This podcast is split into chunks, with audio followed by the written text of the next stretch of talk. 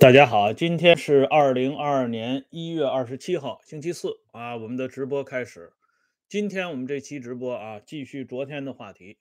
昨天这期话题呢，主要是讲到开国上将杨勇啊，这个罗瑞卿呢，在登基之前，对这个杨勇进行了一番亲切的嘱托啊。罗瑞卿啊，本来呢是满怀信心去到德国治腿，但是凡事啊，必然会有一个万一。所以，罗瑞卿嘱咐杨勇，在他不在的这个期间，杨勇要全面的把总参的工作抓起来。杨勇这个人啊，说起来啊，确实是一个长期备受关注的这么一位上将军。啊，有的朋友呢还挺厉害啊，他在回复当中呢还专门提到，发生在公元一九六七年一月份，叶剑英。传达给全军文革小组组长徐向前元帅的一句话，这句话是什么呢？就是对杨勇要烧而骄啊。这个话的缘起呢，就涉及到另外一位上将啊，萧华。当时呢批萧华，然后会议要求这个会议本身是要求保密的，可是作为北京军区司令员的杨勇呢，回去之后做了传达，因此呢引发上层的震怒。但实际原因远不及此啊！只不过呢，我们今天这个节目不想涉及到这段啊，所以呢，我们就简单的讲一下。这样的话呢，呃，据徐向前本人回忆，到了一九六七年一月份啊的时候呢，叶剑英找到徐向前啊，用手指头指了指上边，说上上峰的意思，对杨勇要烧焦，就是说要把杨勇打掉。就在这个时候呢。徐向前很有意思啊！徐向前在他的回忆录里边，就是历史的回顾。这个回忆录里边，他是这么说的：“他说我猜这个上峰应该是林彪。”哎，这徐帅这个人很有意思啊！这个前半生呢，革命为什么进入了低低潮啊？徐帅呢，他就猜了啊！他说我猜大概是。张国焘，这后半生呢？革命为什么又起了这个波澜呢？这徐帅又猜了，他说：“我猜大概是林彪。”徐帅这一生呢，哎，在很大程度上都是我猜。所以后来有一个王牌的综艺节目，我猜我猜我猜猜猜啊，估计呢都是受到徐帅的回忆录的影响啊。徐帅这一生主持的这个。这款综艺节目，我猜啊，确实是相当的厉害啊！大家看一下啊，这个徐帅这一生啊，徐向前这一生，那真的是波澜起伏。但是人家呢，能够平安无恙啊，平安无恙，最后呢，平安着陆，那靠的就是我猜啊，很厉害。这里呢，就引出这个杨勇啊，到底被谁打倒的这个话题，这是一个小话题。哎，因为涉及到叶剑英、徐向前和林彪三位元帅，所以我们就来简单说一说军队当中啊，这个开国的三大三山头啊，大家都知道，林彪代表的一方面军，贺龙代表的二方面军和徐向前代表的四方面军。这文化大革命一起来之后，林彪的这个一军团一枝独秀。哎，贺龙呢？由于这个二月兵变以及他与罗瑞卿之间说不清楚的关系，直接被放倒了。所以这红二方面军立刻灰头土脸，从此一蹶不振啊，再也没有机会爬起来了。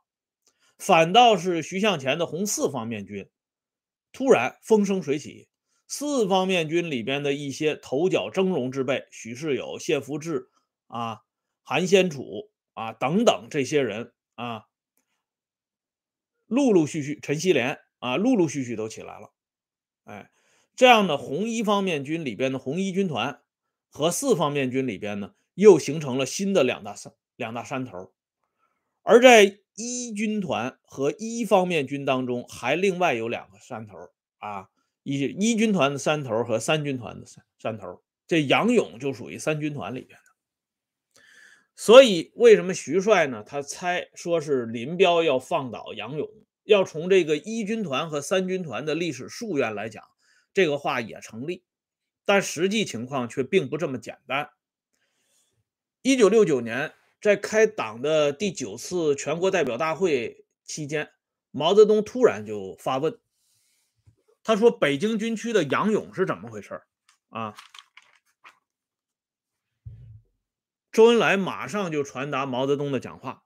于是呢，北京军区就因为这件事儿去追查杨勇是谁被打倒的。这个时候已经过去两年了啊！如果不是老大发问的话，没人去管杨勇的死活。那林彪呢？这件事儿啊，呃，动作也很快，因为这个时候啊，有人把矛头指向当时北京军区的司令员郑维山和政治委员陈先瑞啊，指向这两位中将，所以林彪马上召开北京军区副司令员、副政治委员以上的高级干部、高级将领。开会，林彪给杨勇的打倒做了一个定性啊。林彪说这是北京军区大鬼小鬼之间打架啊，要求所有的这些副职以上的人写保证书啊，向毛泽东讲清楚杨勇被打倒的这件事的经过。陈先瑞晚年的回忆里边啊，他加了这么一句话：陈先瑞说这是林彪为自己推脱罪责。嫁祸于人，啊，陈先瑞说的这个话是不是历史事实？我们以后恐怕要进一步进行考证。但同时呢，我们看到另外两两组这个历史的证据。一九七三年十二月，毛泽东再一次提到杨勇，毛泽东说：“杨勇是哪个方面下命令抓起来的？我不知道。哎，到底还是老大。”啊，老大比这个徐向前厉害的一点就在这里，人家不说我猜，人家直接就说我不知道。这么一个开国上将，这么一位大军区司令员，就这么稀里糊涂的让人抓起来了。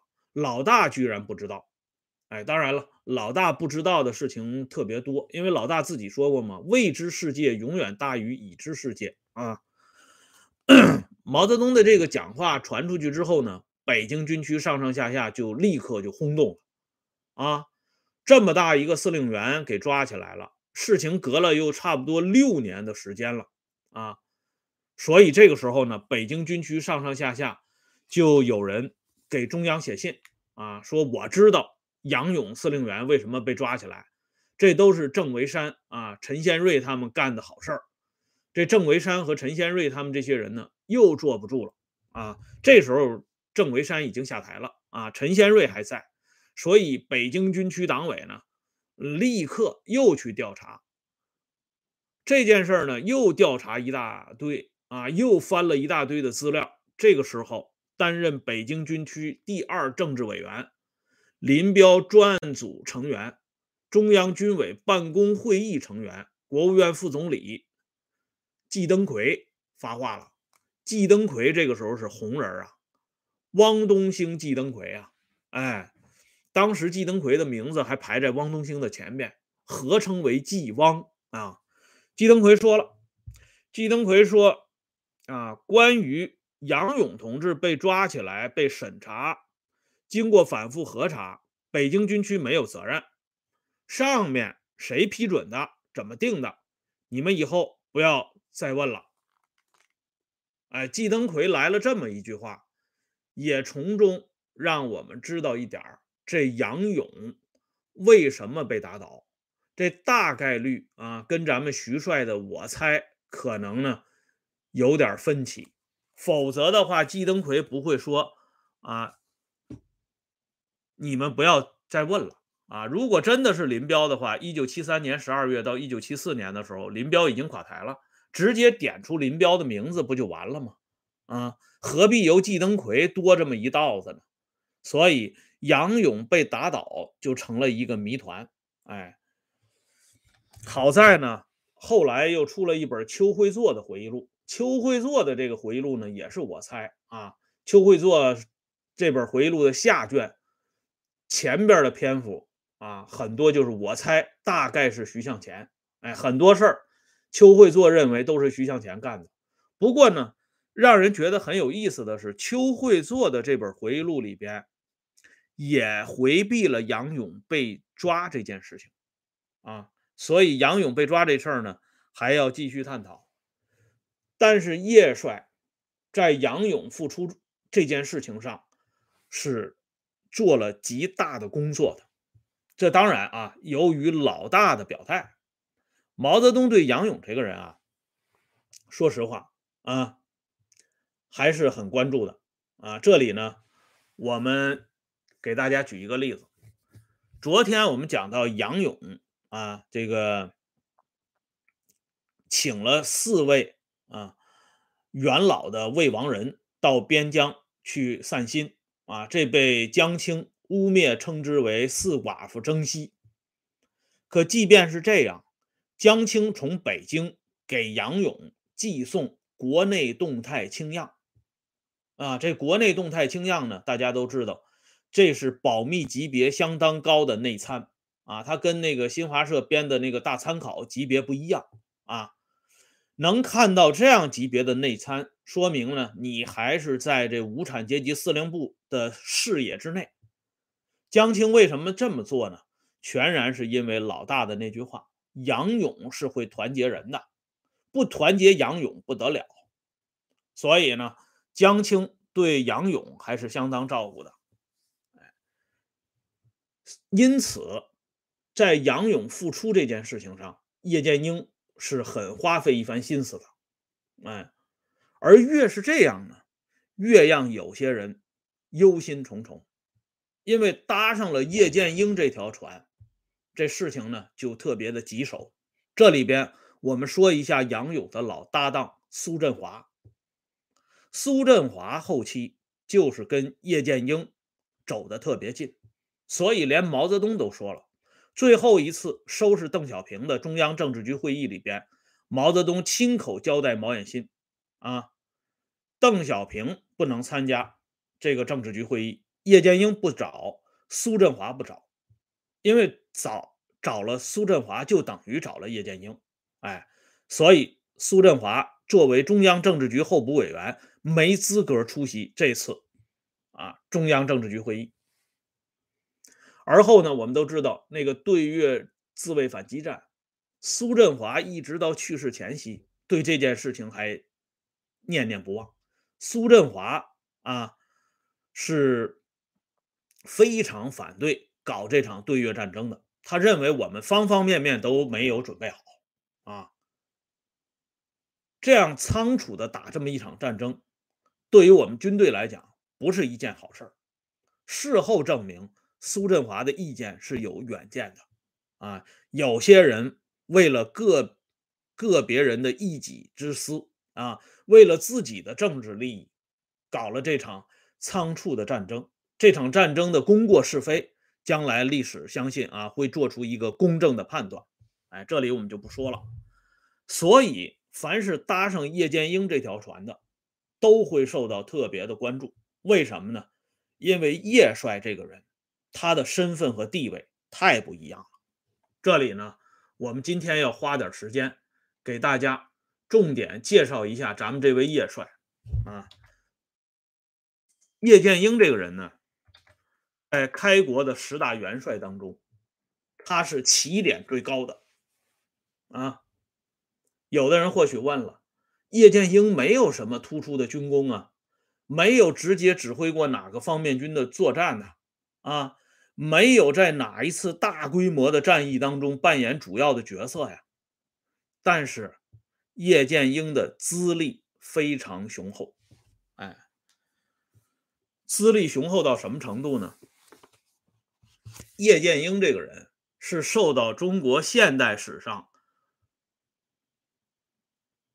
四位重量级人物啊的重点关注的哪四位啊？孙中山、蒋介石、毛泽东、邓小平。这可以说是唯一的一位。这十大元帅里边，你再也挑不出来第二个了。哎，叶剑英在一九二二年六月十六号啊。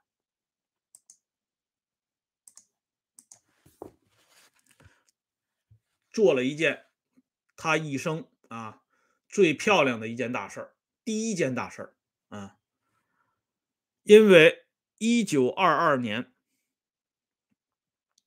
六月份，陈炯明发生叛变，围攻孙中山所在的这个总统府，啊，这是著名的炮轰总统府事件。那么在这件事情呢发生之后，孙中山突围，突围的时候，叶剑英跟随江防舰队司令陈策在码头上迎接孙中山，然后护送孙中山乘小船登上停泊在江里的宝璧舰，然后又改成永祥舰以及永丰舰。永丰舰就是大家都知道的后来的中山舰啊。在这个过程当中呢，六月中旬到八月上旬，叶剑英率所部在广州的黄埔、白鹅潭等地一直护卫孙中山。在永丰舰被炮火击中的时候，啊，叶剑英与大家呢一起贴身保卫孙中山。这段历史，说实话，啊，十大元帅里边没有人能够挣到这个名分。那么接下来我们再看叶剑英的另外一个起点。叶剑英在二十多岁的时候，不到二十五岁的时候，就已经是粤军中的精锐部队第八旅的主要军事主官了。除了旅长张民达，就是参谋长叶剑英。而这个粤军第八旅后来成为建国粤军的核心骨干第二师。哎。叶剑英又成为第二师的主要人物。更主要的是，咱们为什么说叶剑英起点高呢？这十大元帅里边有好些个都曾经做过民国的官做过国民党的官啊。你像贺龙啊，当过师长，甚至呢当过军长。哎，这个职务表面上很高，但是他那是杂牌军。而且是马上就要南昌起义前夕临时任命，哎，这朱德呢，当过军党代表，可是他的那个军呢不值钱，那是四川军阀杨森封朱德的二十军党代表，但是这党代表大家都知道，这是卖狗皮膏药的，不是实际上的军事主官啊。彭德怀呢当当过团长。也是湘军的杂牌军的团长，哎，剩下的呢，咱们就不一一介绍了啊。叶剑英的这个师长是货真价实的师长，他是蒋介石赖以起家的国民革命军第一军第一师啊。一九二六年十一月份，蒋介石专门把叶剑英找到南昌，当时总司令部设在南昌，蒋介石跟这叶剑英亲切交谈。他就想把这天下第一师啊，这是胡宗南说的天下第一师啊，交到叶剑英手中。但是叶帅这个人脑子非常聪明，人家一下子就明白啊，这是总司令跟他客气啊，就是你千万别把人家呃客气话当真话啊，这就比较麻烦了。因为第一师啊，这是蒋介石的命根子啊。交到叶剑英这么一个粤军出来的人，一方面呢是蒋介石看重叶剑英的能力，再一方面呢，蒋介石也是在考验叶剑英。更主要的是，叶剑英知道这第一师内部人际关系盘根错节，不好处理。蒋介石的亲信王柏龄、王俊他们在第一师里边经营多年了，你想在第一师里边打开局面，那是不可能的。反而还容易落埋怨，因此呢，这个叶剑英呢就推辞了。蒋介石一看推辞了，哎，那不行，你这么有能力的人，不能轻易放你走。这样呢，蒋介石亲手写了一个手令，交给叶剑英，由叶剑英去负责组建国民革命军第一军第二师。哎，这就是第二师创创建的来历。后来到了一九二七年，叶剑英就领着这第二师啊讨伐蒋介石了。叶剑英是一九二七年七月份才正式由周恩来批准加入咱们这个党的。他入党的这个时间非常靠后，但是人家的资历非常老。试问一下，十大元帅当中有哪一位啊，在参加这个党、参加革命之前有这么雄厚的资本和资历呢？没有，只有咱们的叶帅。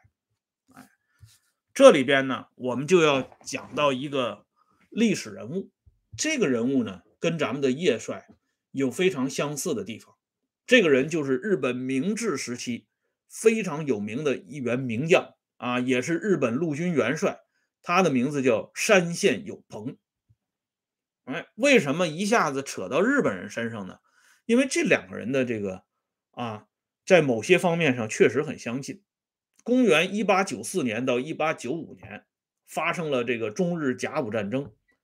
山县有朋作为日军的第一军司令官，当时呢，他来个突发奇想啊，他要。直接拿下海城，打一个军事冒险，然后围攻奉天，就是今天的沈阳，啊，提前解决日这个大清朝关外这老祖宗啊发祥地的问题。这一下子在日本朝野上可掀起了轩然大波，啊，连明治天皇都坐不住了，啊，明治天皇呢专门给山县有朋下了一道圣旨。这圣旨是一八九四年十一月二十九号下达的。圣旨上说：“朕久未见卿，啊，今又闻卿患病，不胜惦念。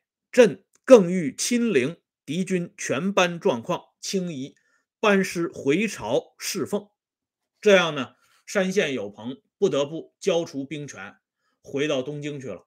临行之际，山县有朋还做了一首诗。啊！临别阵头，如何天子召还急？临别阵头，泪满衣啊，还掉眼泪了。这段历史事实呢，与公元一九七六年二月二号中央发的一个一号文件非常相似。因为这一天呢，中央发出一九七六年第一号文件，通知全党，包括三项内容：第一。由华国锋任代总理。第二，叶剑英有病了，叶剑英生病期间，由陈锡联同志负责主持中央军委的工作。第三，邓小平实际停止中央领导工作。这是一号文件呢。这一号文件里边，咱们的叶帅，哎，就不再主持中央军委的日常工作。可是。